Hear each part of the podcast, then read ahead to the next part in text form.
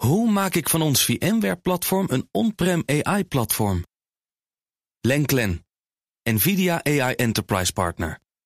Lenklen, betrokken expertise, gedreven innovaties. Tech Update. Jo van Buurik, goedemorgen. Hey Bas en Nina. Goedemorgen. We schreven 2020. Een Britse hacker, een jong jochie, brak bij Twitter in. En daar hadden allerlei prominenten last van. Niet alleen Elon Musk en Jeff Bezos en Joe Biden en Barack Obama... maar ook Geert Wilders. Wat een illustre rijtje als je het zo noemt, hè? Staat hier gewoon bij, hè? Wa- Wat hebben ze gemeen? Nou, een hack door eh Pluckwalk Joe. Nee, niet ik, want eh, dit is een, eh, iemand die eh schuilgaat onder die naam in het echt. Joseph James O'Connor heet. 23 jaar oud is. Ja, het cliché van een jong jochie dat op zolder zit te hacken is dan toch weer even waar. Maar toch een fijn sappig verhaal zo op de vroege woensdag. We moeten inderdaad even graven waar het om gaat. Want dit is echt een zaak uit juli 2020 dus. Ja. Nou, toen kreeg hij toegang tot accounts op Twitter. Via programma's waarmee Twitter-accounts beheerd kunnen worden. We kennen ze wel, bij BNR gebruiken ze ook. En vervolgens kon hij met die Twitter-accounts doen wat hij wilde. En ook anderen toegang geven. En daar ook geld mee verdienen. Door te zeggen: hey, Nina, jij wil toegang tot het account van Geert Wilders? Betaal mij maar. Bij wijze van En spreken. dat heeft iemand gedaan, hè? Een Precies. Nederlands eh, Ja. jochie dan weer. Nou, zo eh, ons kent ons inderdaad. En zo verschenen er opeens oproepen om bitcoins over te maken op de profielen van bedrijven eh, als Apple en Uber. Nou, die zouden dat toch echt nooit daadwerkelijk doen. En inderdaad, eh, Bas noemde al een hele trits mensen op eh, wiens Twitter-accounts die melding ook gaven. Waaronder dus ook Elon Musk himself en Geert Wilders, die inderdaad zijn account eventjes kwijtraakte. Nou, in 2021 werd deze Pluckwalk Joe al opgepakt in Spanje. Hij heeft daar heel lang vastgezeten en is pas eind april uitgeleverd aan de VS. Heeft net daar bekend, hoort over een maand, 23 juni, wat zijn straf gaat worden. Maar eh, ja, ik denk dat hij uit kan gaan van tientallen jaartjes brommen. Dat is wat dom, betreft. Ja, dat is best dom. En hij was er vroeg bij, want in 2019 hackte hij al het Snapchat-account van actrice Bella Thorne. Dreigde toen om naaktfoto's van haar te publiceren. Toen deed ze dat zelf maar heel gauw. Dat is natuurlijk heel tragisch dat het op die manier moet. Dapper.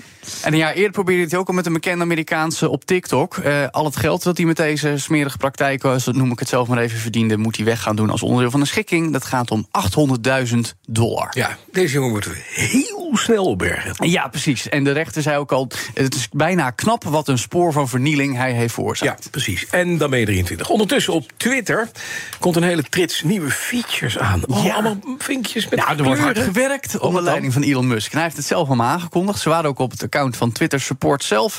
De belangrijkste, en hier is echt vaak om gevraagd. Nou, we gaan zien of het ook daadwerkelijk gaat komen. Versleuteling van berichtencommunicatie tussen accounts. Je kent ze wel, de private messages, DM's.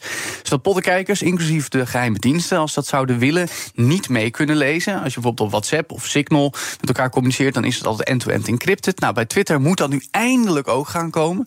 Ehm, het gekke is dat dat er al die tijd nog niet was, want er wordt nogal eens wat info gedeeld, ook door journalisten bijvoorbeeld eh, via die privéberichten.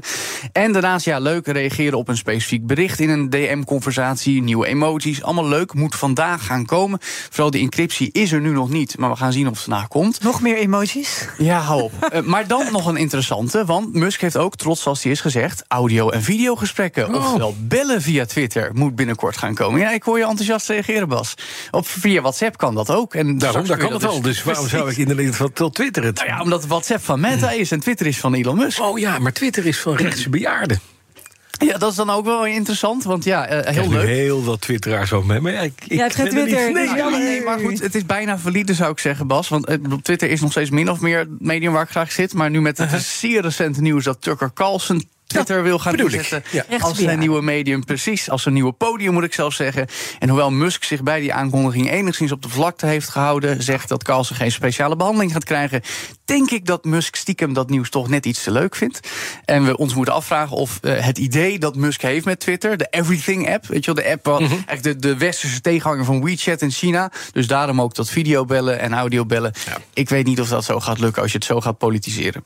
Even, straks gaan we naar onze eh, man in Amerika, Jan Posma, over Tucker Carlson. Nog eventjes naar dit van gamegigant EA, Electronic Arts... profiteert flink van de FIFA voetbalgames...